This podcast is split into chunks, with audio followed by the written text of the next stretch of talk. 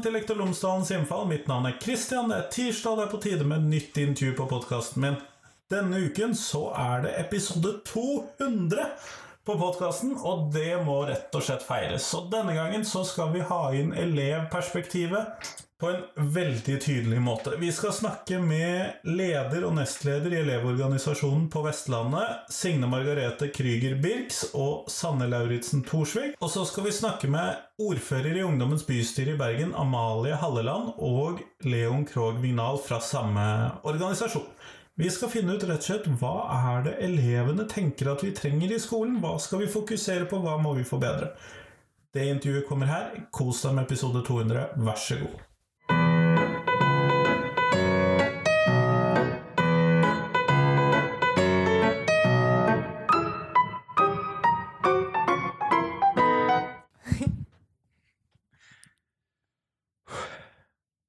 Tusen takk alle sammen for at dere har eh, blitt med på podkasten i dag. Eh, siden dere er så mange, så skal dere få lov til å presentere dere selv.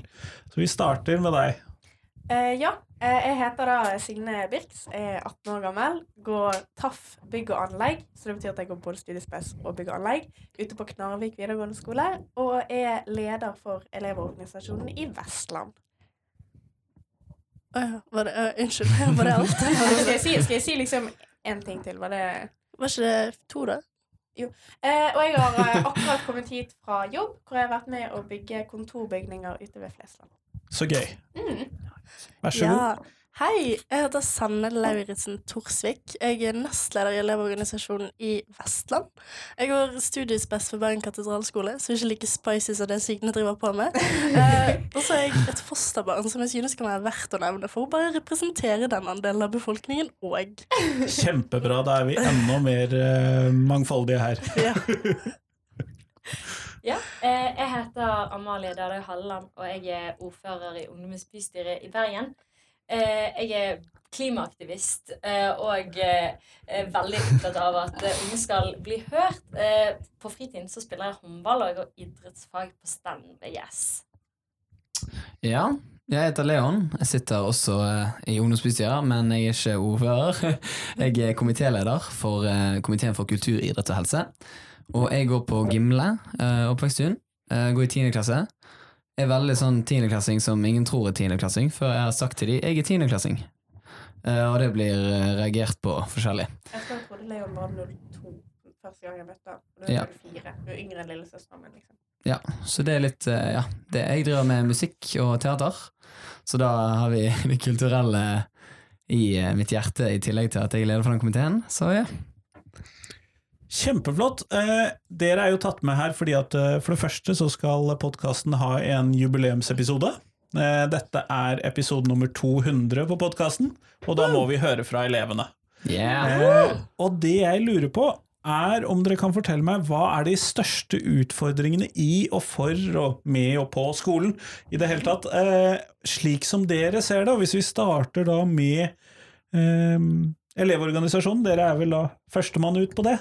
Eh, ja. Um, vi har jo notert oss litt forskjellige ting hver. Ja. Men uh, jeg har uh, tenkt Eller et stort problem i skolen i dag, det er at skolen er for A4 og generaliserende. Og når skolen er for A4 og generaliserende, så blir skolen urettferdig. Ja, en annen ting som personlig er veldig viktig, som er en av våre politiske prioriteringer, en ting som vi skal kjempe veldig mye med i år, det er rådgivningstjenesten. Mm. Og er spesielt rådgivningstjenesten på ungdomsskolen. For det, det som skjer, er det at veldig mange kommer til rådgiver fordi at de har lyst til å motta råd. De har lyst til å finne ut hvordan skal jeg håndtere denne situasjonen, hva burde jeg eventuelt gjøre videre. Men det de opplever, eller mange sier at de opplever, er det at de ser ikke meg som en elev, de ser ikke meg som menneske. De gir meg ikke råd basert på det jeg vil og det jeg kan klare. De gir meg råd basert på f.eks. mitt vitnemål, og det er et stort problem, fordi vi vet at vi trenger flere yrkesfagsarbeidere, og hvis vi kun skal være sånn du ser litt sliten ut, karakterene dabber litt, kanskje du burde gå yrkesfag, så kommer ikke vi til å klare den store krisen som omhandler om at vi kommer til å mangle 90 000 yrkesfagselever innen 2035, og det er et veldig stort problem. I tillegg til det at så klart man vil jo gjerne ha råd basert på seg sjøl, og ikke bare karakterer og hvordan du ser ut og diverse. Du er dårlig i matte, så derfor må du gå eh, på elektro som har den verste matten av alle. Herregud. Eh, Ikke? Unnskyld, liten Ja. digresjon, da. Jeg snakket med en som gikk elektro eh, på årsmøte, og så skulle han vise meg noen mattegreier. Og jeg har jo tatt eh, 2P, så jeg er jo for å si det sånn, ikke så veldig god i matte. Jeg var så forvirret. Jeg skjønner ikke hva, hvordan det kan være en sånn godt tips, for jeg var sånn Det her det er er jo- verre enn fysikken. Men det er jo litt sånn elever som eh, gjerne går tilrettelagt, og så er tilrett, tilrettelagt-linjene veldig ofte yrkesfagbasert. Og ikke, altså det er noen ganger så er det faktisk veldig mye verre for noen som eh, trenger den ekstra tilretteleggingen og skulle utføre praktisk arbeid og være i en jobb som er fra f.eks. syv til tre hver dag. Altså det er liksom Bare den tilretteleggingen for elevene er ikke til stede. Ja. Amalie og Leon, eh, Ja. hva har dere tenkt på som eh, de store utfordringene? Skal jeg, eh, du kan Du, gå først, jeg kan hvis du begynne. vil. Ja, Ja, altså, sånn som jeg ser det, så er det største problemet at vi begynner å teste alle elevene fra de er veldig, veldig unge. Og skolen blir mer og mer prestasjonsorientert. Altså, bare se på når de innførte eh, hva si, den nye førsteklassen når man begynte på skolen når man var seks år, så var det meningen at det skulle være på en måte lek og litt mer barnehagelignende. Nå er det eh, absolutt en testarena, og man skiller eh, man nivåinndeler og forteller folk og setter dem i boks etter hvor flinke de er allerede fra barneskolen av. Og det tar de med seg i de videre leddene. Eh, så liksom bare hele den prestasjonsorienteringen i sted, altså, istedenfor læringsorientert, så er skolen mye mer prestasjonsorientert. Og det er veldig dumt. Ja, jeg synes at altså, det er jo mye Jeg helt ærlig har, jeg er ikke så veldig glad i norske skolen, av mange grunner. så jeg har veldig mye jeg kunne sagt. Eh, men jeg har, jeg har reagert veldig på det, og det sier jeg alltid til studentlærere som kommer og har oss. Prøver å gi dem så mange tips som mulig angående det. Og det er det at altså, Favorittlærerne til alle elevene eh, i gjennomsnitt er nok de lærerne som er eh, mest personlige med deg. Altså Det her forholdet mellom elev og lærer har blitt eh, altså Lærer er jo en som skal hjelpe deg i fremtiden din. En som skal veilede deg og lære deg hvordan du skal eh, gå videre og gjøre det bra videre i livet. Men nå har det blitt til eh, en slags sånn veldig kjip, et veldig kjipt forhold, hvor det er sånn ja, jeg er sjefen din og skal bestemme over deg, og, du, og eh, jeg driter i om du har lyst til å gjøre dette eller ikke, fordi ja, det, altså forholdet synes jeg mellom elever og lærere er noe som jeg absolutt burde bli bedre. Ja, og Der tror jeg også at det er veldig varierende. Og spesielt etter hvor mange lærere det er per elev. Absolutt, absolutt. Fordi at hvis Mm. det er eh, for lærere, så blir jo Da må det pushes gjennom, liksom. Og man har ikke tid til å se hver enkelt elev. Og det kan jo bidra til både det, men også at man fokuserer bare på prestasjonene istedenfor å se hele mennesket og se på læringen. Ja. Det er litt sånn skolen er en øving til eksamen. Og det er feil. Det er faktisk det grusomste i hele verden. Ja, altså det, altså det kjipeste er jo altså det med respekt for lærer og elever, begge det, altså til hverandre. At eh, når lærere viser at de respekterer elevene, så respekterer elevene lærerne tilbake. Og det merker jeg veldig godt i, på min skole, iallfall. De lærerne som er litt mer sånn Jo, skal vi snakke om dette? Hva, eller liksom blander seg, prøver å være litt interessert faktisk i deres både private liv og hva de snakker om. og sånn. Da blir det et mye bedre miljø i klassen. Læringsmiljø. Mm. Men har dere noen sånne tanker om hvordan fikse særlig de utfordringene som dere kommer med? Fordi at eh, du har jo allerede, Leon, du har jo allerede kommet da med en viss løsning i hvert fall på dette knyttet til det personlige forholdet. Ja. Men eh, hvordan, hva skal vi gjøre med f.eks. rådgivningstjenesten og linjevalg og Ja. den typen ting? Um, jeg har jo på en måte Mye av det Leon sier, eh, handler om bedre kontakt med elevene. Altså Da tenker jeg du må ha flere lærere. Um, en konkret løsning kunne jo vært en faktisk lærernorm på videregående. Um, og for Amalie var veldig enig. også, også for eksempel mer fleksible læreplaner og utdanningsløp. Altså det at du kan eh, For eksempel at du ikke må ta IP-matten når du går yrkesfag. At du skal få lov til å kunne ta Hvis du går eh, helse og oppvekst, at du skal få lov til å ta de programfagene som gjør at du kan gå videre på sykepleie, som åpner for mulighetene og variasjonen i den utdanningen du får. At du får eh, eksempel at eh, man eh, At skolen er for A4 og generaliserende. Det kan på en måte Da tenker jeg at flere lærere og flere eh, tilpasninger til eleven. Eh, det handler om eh, å høre på elevene. Eh, det handler om å være til stede for elevene, og det handler om å høre på hva de har å si. Eh, og det handler om på hvordan vi ser de som enkeltindivider. At man liksom Um, har ja, eksempel fleksible læreplaner og utdanningsløp. At man eh, åpner opp for eh, eh, forskjellige avslutningsvurderinger. eksempel at, eh, at det at skolen er for A4 og generaliserende, kan jo på en måte oppsummeres med eksamen, syns jeg. Eh, sånn den fungerer i dag. eh, og at den endres på. Alle skal ha skriftlig eksamen, og den skriftlige eksamen er utarbeidet sånn, og alle Ja, skal og så er det sånn. sannsynligheten for å komme opp i de forskjellige fagene. Altså I år har jeg fagene jeg har på skolen i år, fordi jeg går eh, TAF-løpet, det er R2, fysikk 1, eh, norsk, eh, eller VG2 norsk, påbyggingshistorie og samfunnsfag. Um, og sannsynligheten min for å komme opp i R2 er skyhøy. Den er vel nærmere 100 Nei, vent litt, du kan komme opp i nynorsk. Nei, det kan du ikke ennå. Sidemål. Men Ja. ja. Um, Sidemål. Men um, For det er neste år. Ja. Uh, men eh, R2 er det ene faget jeg nesten stryker i på skolen, liksom. Kjipt. Ja, og alle de andre fagene går liksom bra. Og hvilket fag kan jeg komme opp i eksamen? Ja. Ikke sant? Og så skal det stå en hel ekstra karakter på vitnemålet ditt som bare skal avgjøre om du kommer inn på det du vil eller ikke. ja, jeg liksom. har jo jeg får si sånn, jeg går jo tatt for en grunn. Jeg har jo lyst til å studere videre. Men ja. Jeg prater. Ja, men jeg er helt enig, så du avbryter jeg ikke. Liksom. Ja. Altså, Men om jeg kan legge til noe som også kan hjelpe til, er jo det å bare heve kompetansen blant rådgivere og lærere. Sånn, fortsette så mye med den etterutdanningen, og ikke bare det innenfor faglig. For det at så klart vi er opptatt av å sikre gode, ressurssterke lærere som har god faglig kompetanse og kan hjelpe alle. Men det er òg så viktig at vi fortsetter å etterutdanne når det kommer til pedagogikk. Hvordan behandler man elever? Hvordan engasjerer man dem? Hvordan på en måte kan man skape gode læringsmiljøer? For det at jeg merker, og jeg har hørt at veldig mange andre merker, at det er en så stor forskjell i hvilken lærer du har på hvordan læringsmiljøet er i klassen. Noen er sånn fordi at de er så engasjert, så kan du få med de minst engasjerte elevene, mens noen får ikke engang med de som er skoleflinke og gjør alt og skal gjøre hver eneste oppgave, fordi at de bare ikke er gode nok på det. Jeg skal bare gi en liten shout-out til pappa, som er lærer på ungdomsskolen. Um, og han er lærer på Ja, men jeg må faktisk bare bringe det opp, for det er selv jeg som på en måte bare elev eller venn av andre venner, for han er lærer på Store Tveit. Jeg gikk sjøl på Gimle. Um, og jeg får så dette, Jeg vet ikke om dette kommer med eller ikke, men jeg får så mange tilbakemeldinger fra random folk jeg møter. For eksempel, si at jeg er på en fest eller en nyttårsfeiring, og så kommer det en fyr bort til meg og bare Oi! Eh, og så hilser vi på hverandre, liksom. Og så er han sånn Du, forresten, faren min hadde Nei, jeg hadde faren din som lærer. Og så er jeg sånn Å, jeg vet hva jeg så deg i årboken! og, så, og så er han sånn Det er den beste læreren jeg har hatt. Og pappa, liksom, honestly, når du klarer å organisere de elevene som er litt utenfor klassen, i en Pokémon Go-gruppe, sånn at de alltid er sammen med noen i friminuttene og har det kjekt i lag og opplever engasjement og vil, eh, liksom arbeidsvilje på skolen. Det, det, det gjelder at lærerne setter seg på samme nivå som eleven. Ikke nødvendigvis ned, men på sam, ned til eleven, men på samme nivå som eleven. Jeg vil bare kjapt gi en shout-out til min lærer.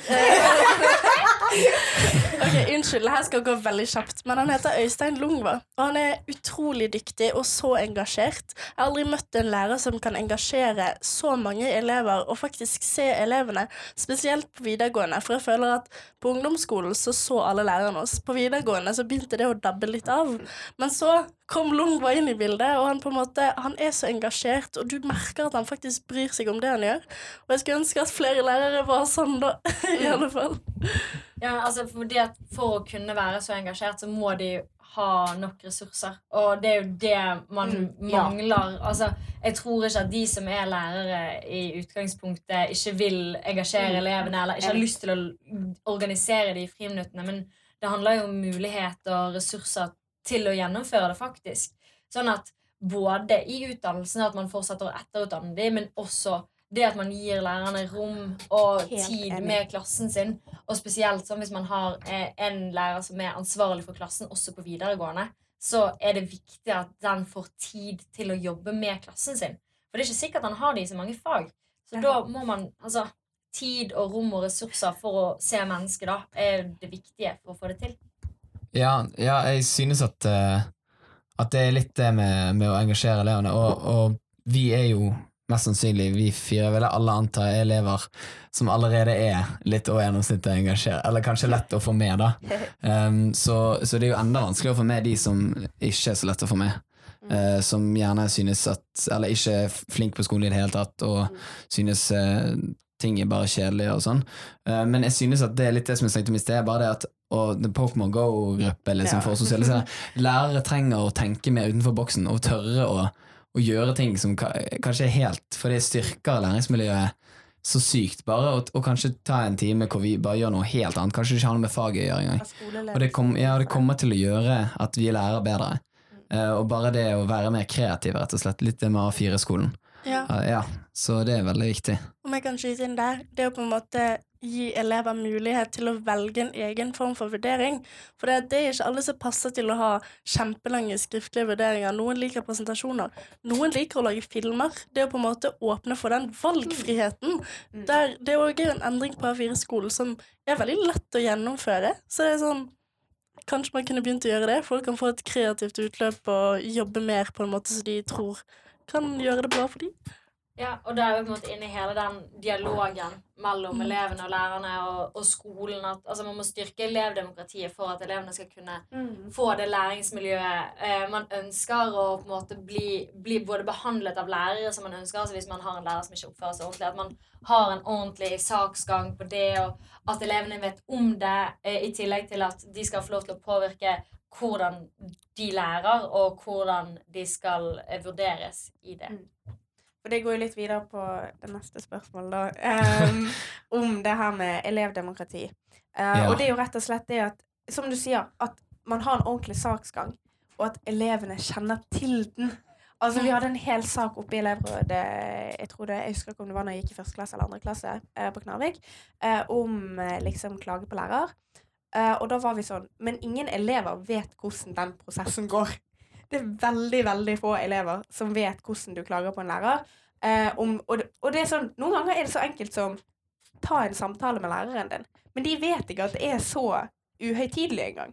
Og det er liksom, det er så mange ting elevene ikke vet om. altså det er rett og slett det, For å på en måte få et bedre elevdemokrati, så må man være flinkere på å opplyse elevene om mulighetene og rettighetene deres. Altså, den, altså ha en god rettighetsopplæring, ha en god saksgangsopplæring. altså det er Sånn sånn her fungerer ting. Det er enkelt.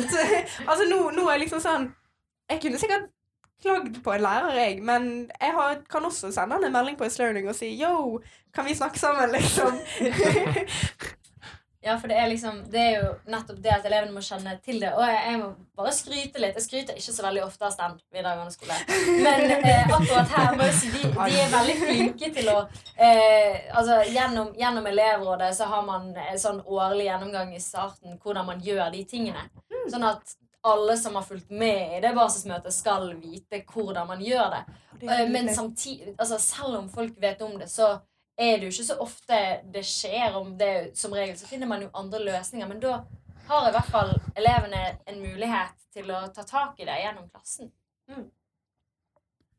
Men hvis vi ser sånn generelt, og det, du kommer jo inn på spørsmålet, eh, og det er jo det utviklingen av skoledemokratiet, og hvor skal man ta det videre? Og det ligger jo noen forslag inne i det som er det nye forslaget til opplæringslov, men hva er det dere tenker? Og du var først ut, Sanne.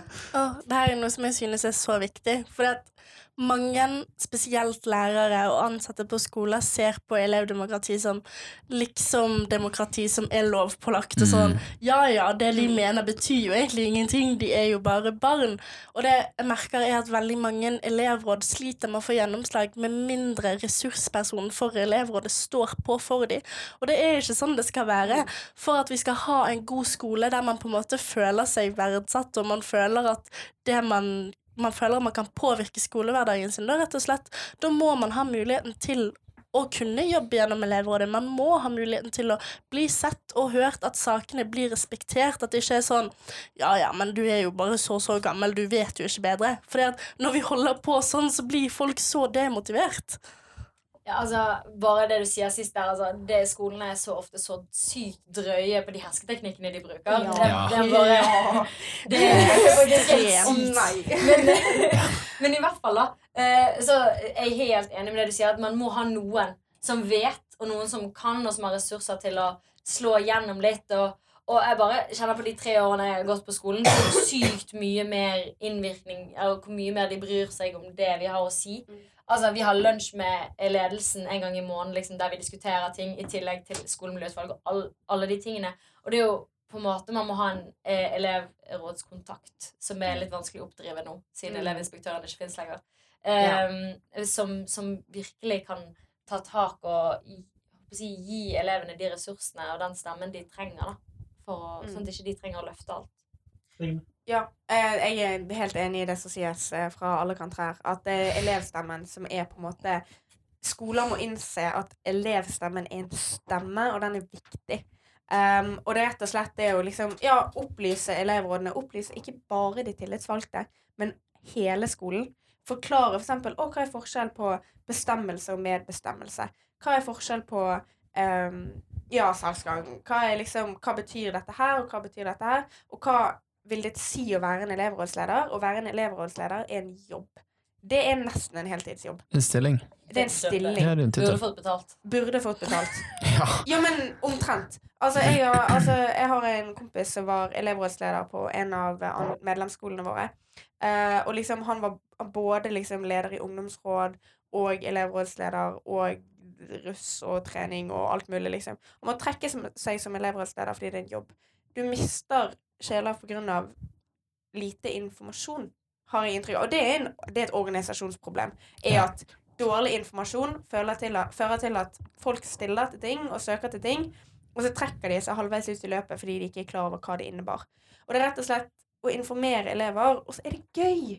Elevdemokrati er gøy! Man kan få til så mye. Man er så sykt mange mennesker! Tenk så mye man kan få til. Altså, på min skole er vi 1000 elever. Det er. Det er mange. Men hvor mange er det som faktisk vet hvem som sitter i elevrådsstyret? Hvem er det som vet Altså, Og når noe skjer på skolene, hvis et elevråd får gjennomslag, så er ledelsen sånn 'Dette her har skjedd.'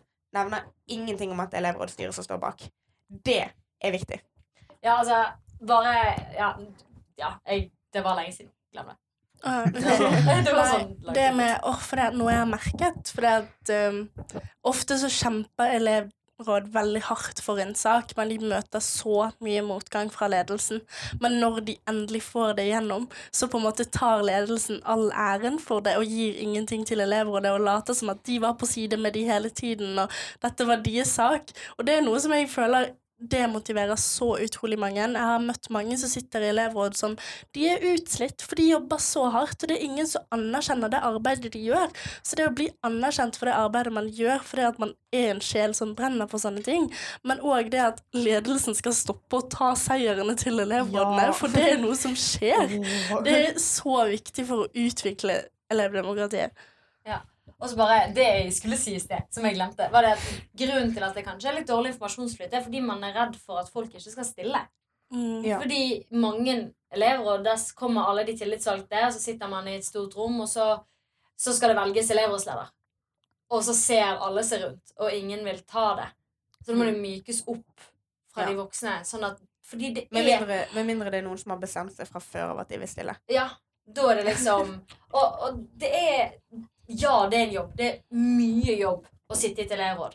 Men det er ikke så mye jobb å, sitte, å være elevrådsleder eller nestleder eller sitte i elevrådsstyret hvis de andre som sitter i det styret sammen med deg, jobber med deg. Fordi at hvis man, altså I fjor satt jeg i et styre der eh, det var meg og en til som jobbet. Vi var sikkert syv-åtte stykker. Det var bare, Vi gjorde alt. Og så i, i år Nei, ikke UB. Nei, Eh, I sånn eh, elevrådet. Ja. UB er en egen sak. Eh, men eh, Eh, men i år så er vi et sammensveiset elevrådsstyre, og jeg føler det er bare gøy. Vi gjør bare gode ting, og vi får gjennomslag fordi at vi jobber sammen. Og fordi at uansett hvem av oss rektor møter i gangen, så vet han at hvis ikke, han gjør som han skal, så kommer han til å få passet påskrevet.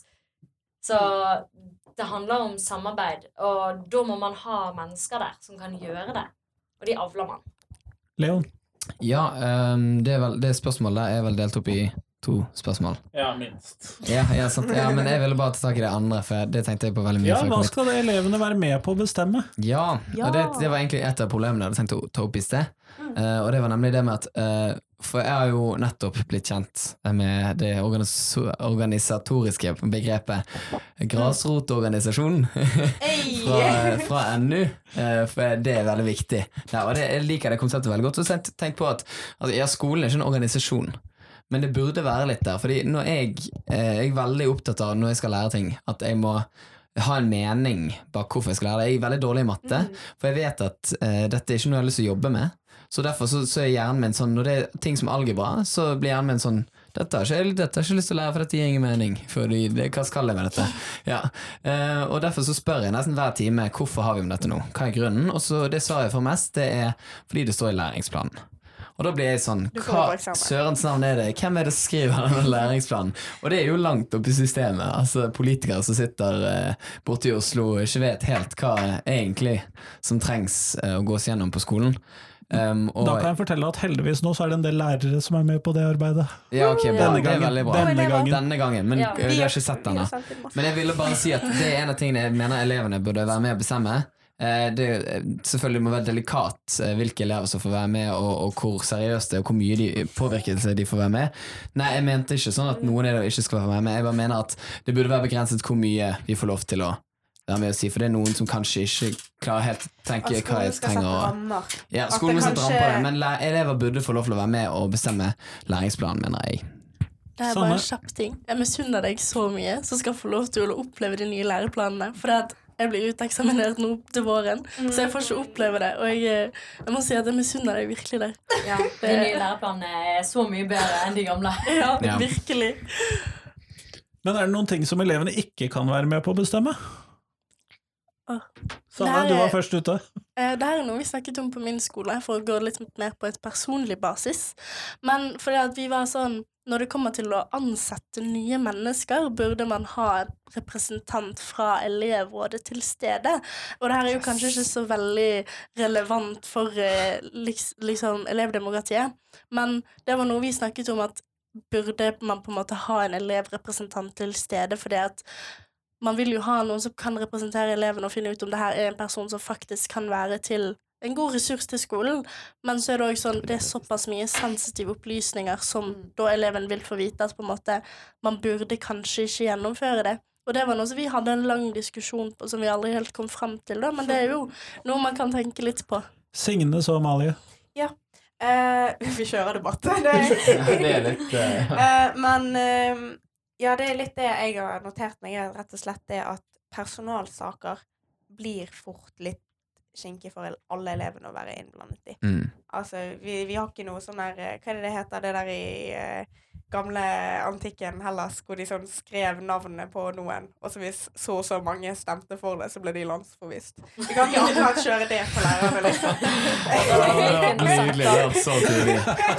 Men um, Så jeg tenker at sånn Personalsaker er litt Selv om selvfølgelig hvis det f.eks. oppstår en 9A-sak, og elever opplever krenkelse eller noe sånt, så skal selvfølgelig elevene ha noe med det å gjøre. Den tiltaksplanen skal utarbeides sammen.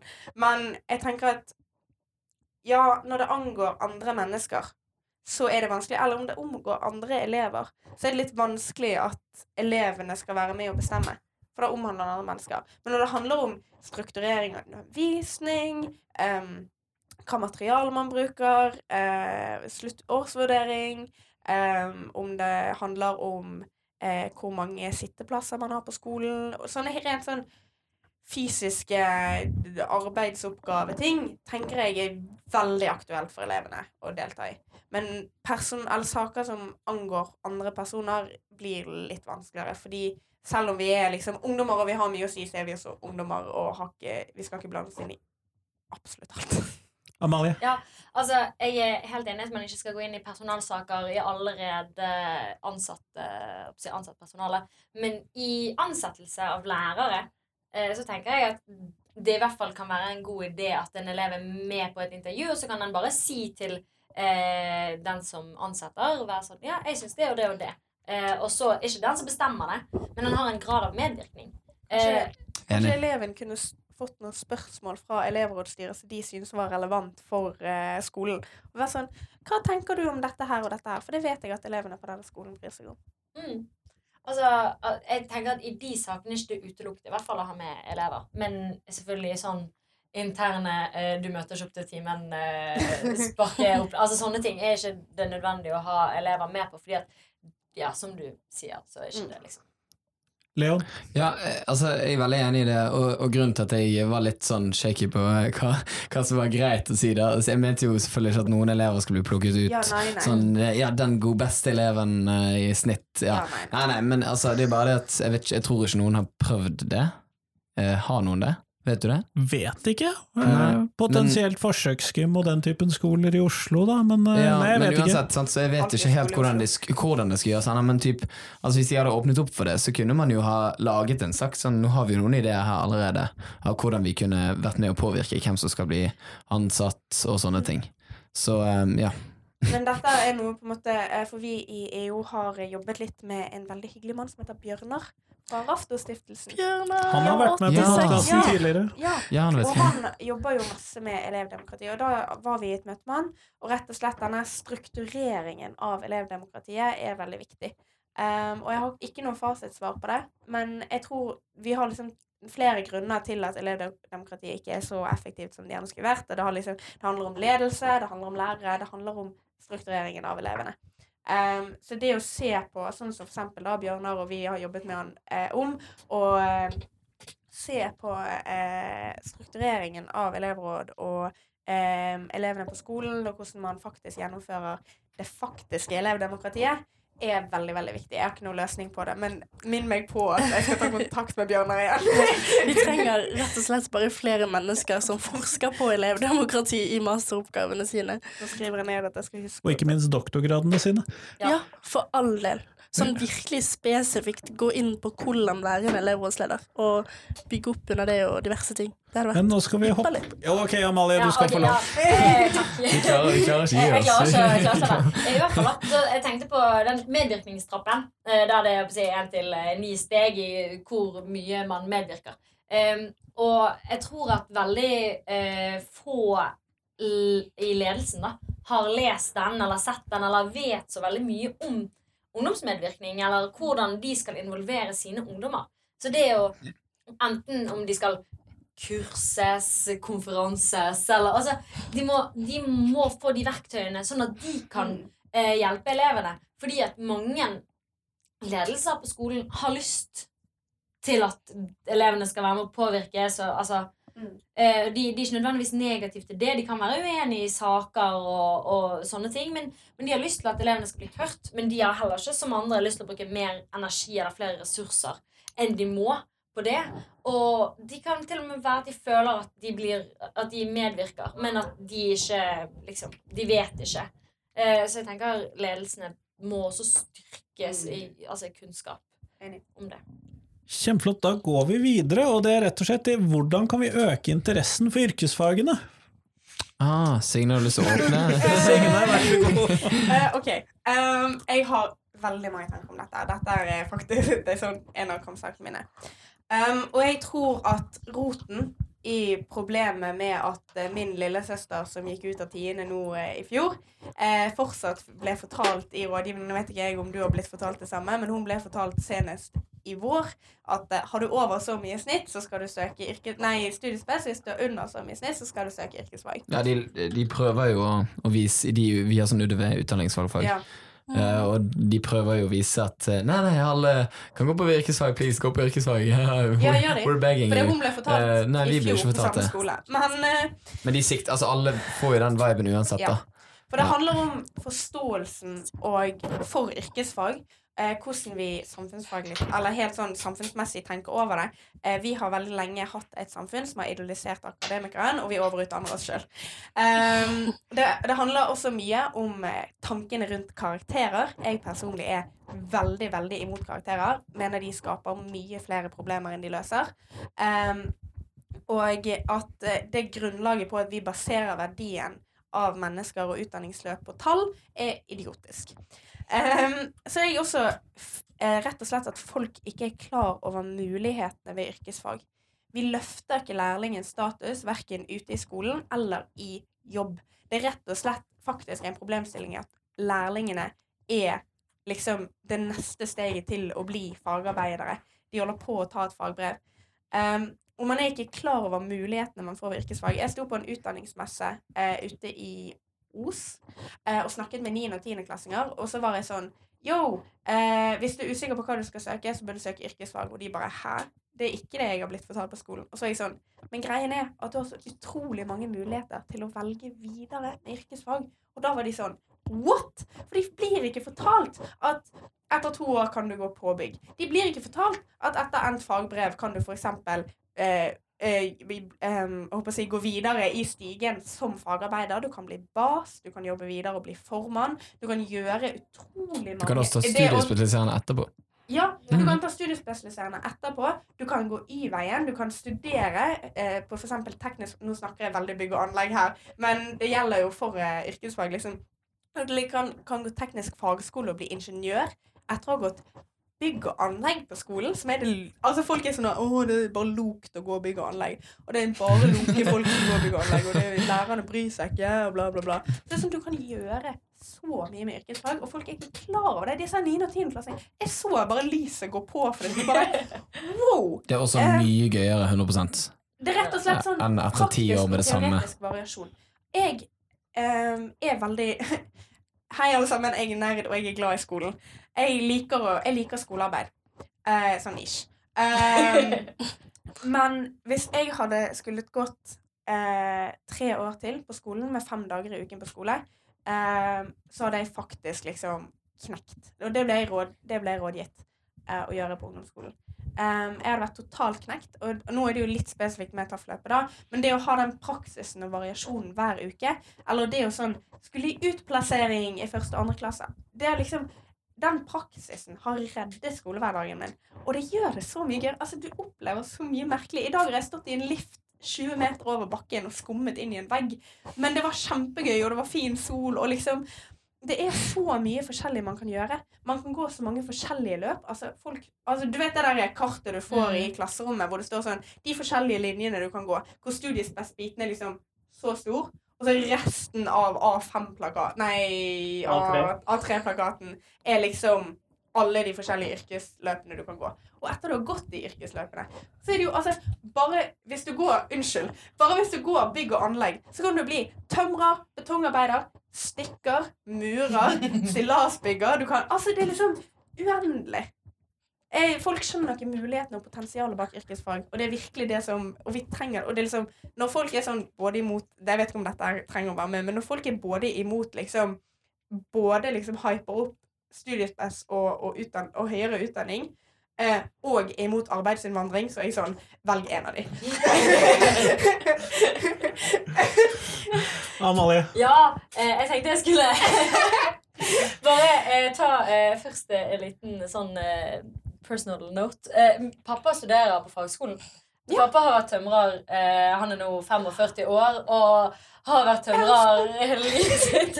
Eh, og så nå var han sånn, vet nå orker ikke jeg å være våt, våt og kald lenger, så går han på fagskolen. Sånn at yrkesfag, det er så mye mer eh, Sånn som Sig- Signe nettopp har liksom bare fortalt Unnskyld, det henger Det går- sikkert ikke sammen i det, det går hele helt tatt.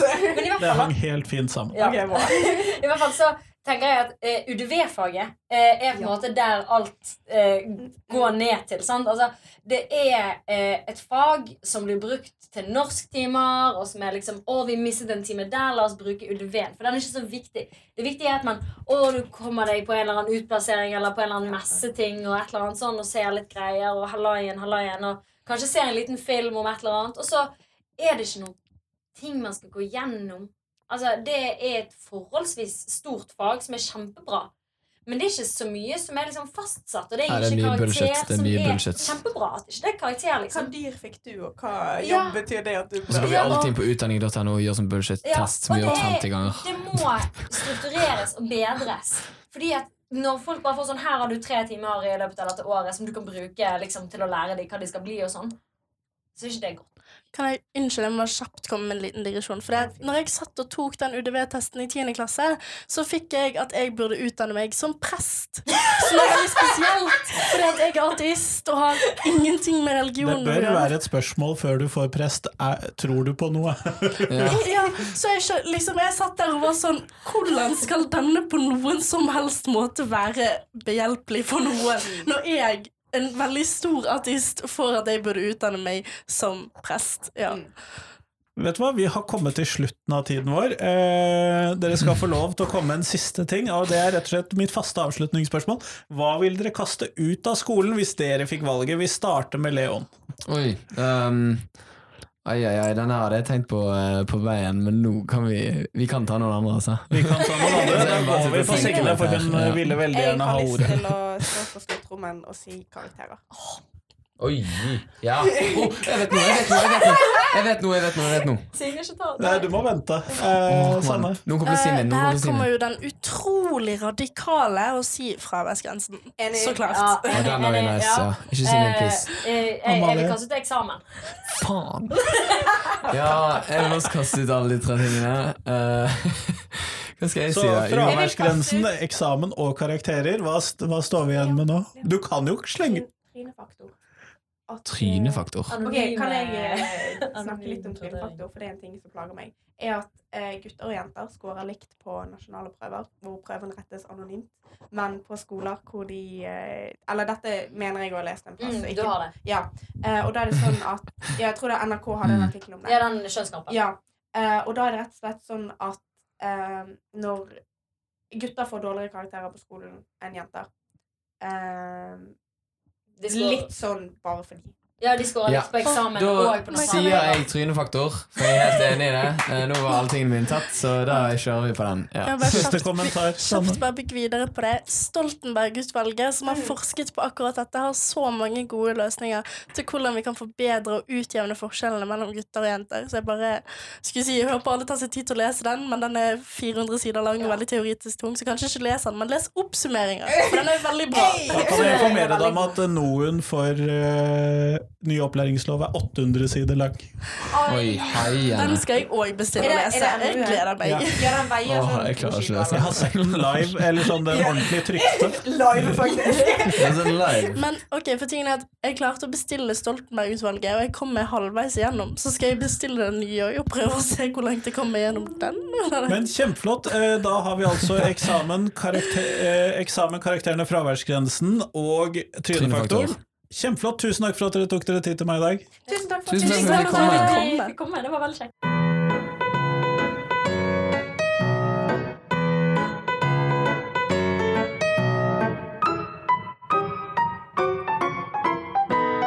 Tusen takk til Signe, Sanne, Amalie og Leon for at de delte dette med oss. Dette var episode 200 på podkasten. Jeg syns det er kjempekult at podkasten har kommet så langt, så tusen takk til deg som har hørt på også. Jeg håper at du kan benytte anledningen til å dele podkasten med noen som du tror vil sette pris på den. Enten det er en lærerutdanner, lærerstudent eller lærer. Eller til og med kanskje noe så radikalt som en forelder eller andre som er interessert i skole. Kanskje til og med også en politiker. Skolepolitikere tror jeg absolutt bør høre på denne podkasten også. Særlig hvis du har muligheten til å si hva du vil på podkasten min. Så tips meg gjerne om det er noen du tror jeg vil prate med også på podkasten. Det er veldig nyttig alltid, selv om jeg har klart å komme meg til episode 200. Det har jeg ikke klart på egen hånd. Men i hvert fall, tips andre, tips meg, eh, del podkasten med noen, eh, og kos deg videre til neste uke. Da kommer episode 201. Hei, hei!